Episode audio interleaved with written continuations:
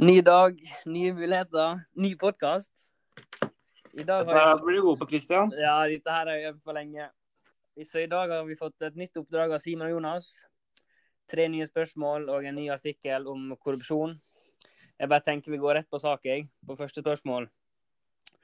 Hva legger dere i korrupsjon, og hva er det? Ja, Simen? Skal jeg starte? Ja, vi starter ballet, du. Ja. Nei, det er eh, igjen, da. Det er um, Hva legger vi i korrupsjon?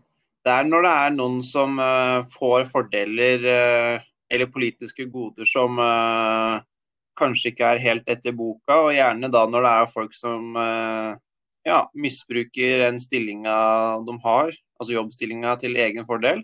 Mm. Noe å tilføre, Kristian? Ja, det er mye av det du sier. da. Så kan jeg si det enkelt. at Det kan f.eks. være penger under bordet for at noen skal få en fordel som andre ikke får. da.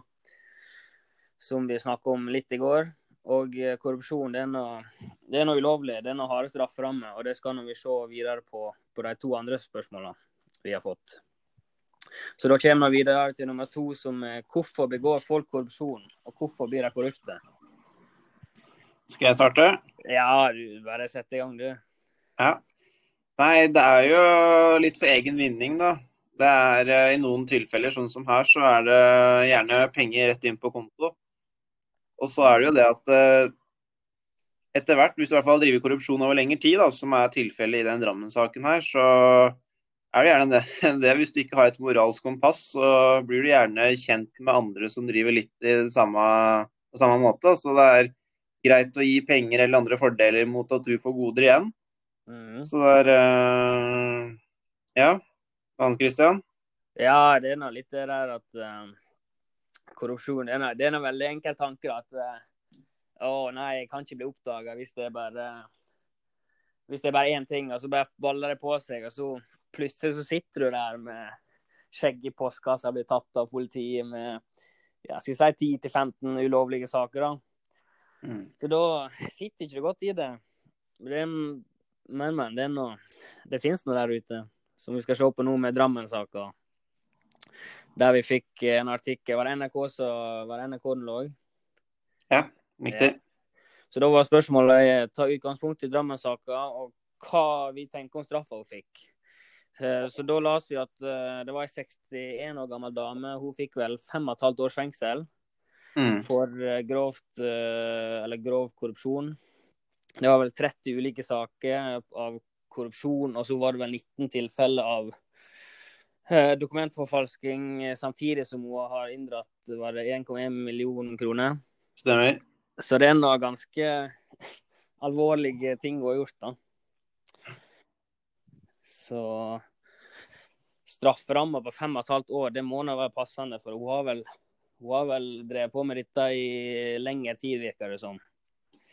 Ja. Det er, eh, det er ikke noe tilfeldigheter med tanke på antall eh, Antall forfalskninger eller eh, korrupsjonssaker. Det er, hun har ikke vært uheldig eller trådt feil en gang eller to. Dette har nok vært ganske bevisst. Og når vi tenker på alderen til dama her, så det er I mange saker så blir det vektlagt alder og livserfaring osv. Så, videre. så med tanke på alder og livserfaring her, så burde ei dame som er ansatt i kommunen, hun burde ha litt større forståelse for uh, hvordan du skal utføre jobben din enn dette her. Så det er nok, hun har nok uh, ikke bare trådt én eller to ganger feil her. Her er det å trå feil over mange år. Ja, og så var det vel en 47 år gammel mann òg som fikk eh, to og et halvt års eh, fengsel for medvirkning til korrupsjon. Så er det noe ganske harde strafferammer, da, hvis du er innblanda i disse sakene. Ja, men det syns jeg er riktig. Ja, jeg er helt enig. Så det kan skje både lokalt eh, i kommuner på litt mindre plasser òg, uten at du er klar over det. Så det er noe viktig å, viktig å få det vekk fra samfunnet ditt. da. Mm. Og det er når det er flere som jobber imot, så det er noe veldig bra.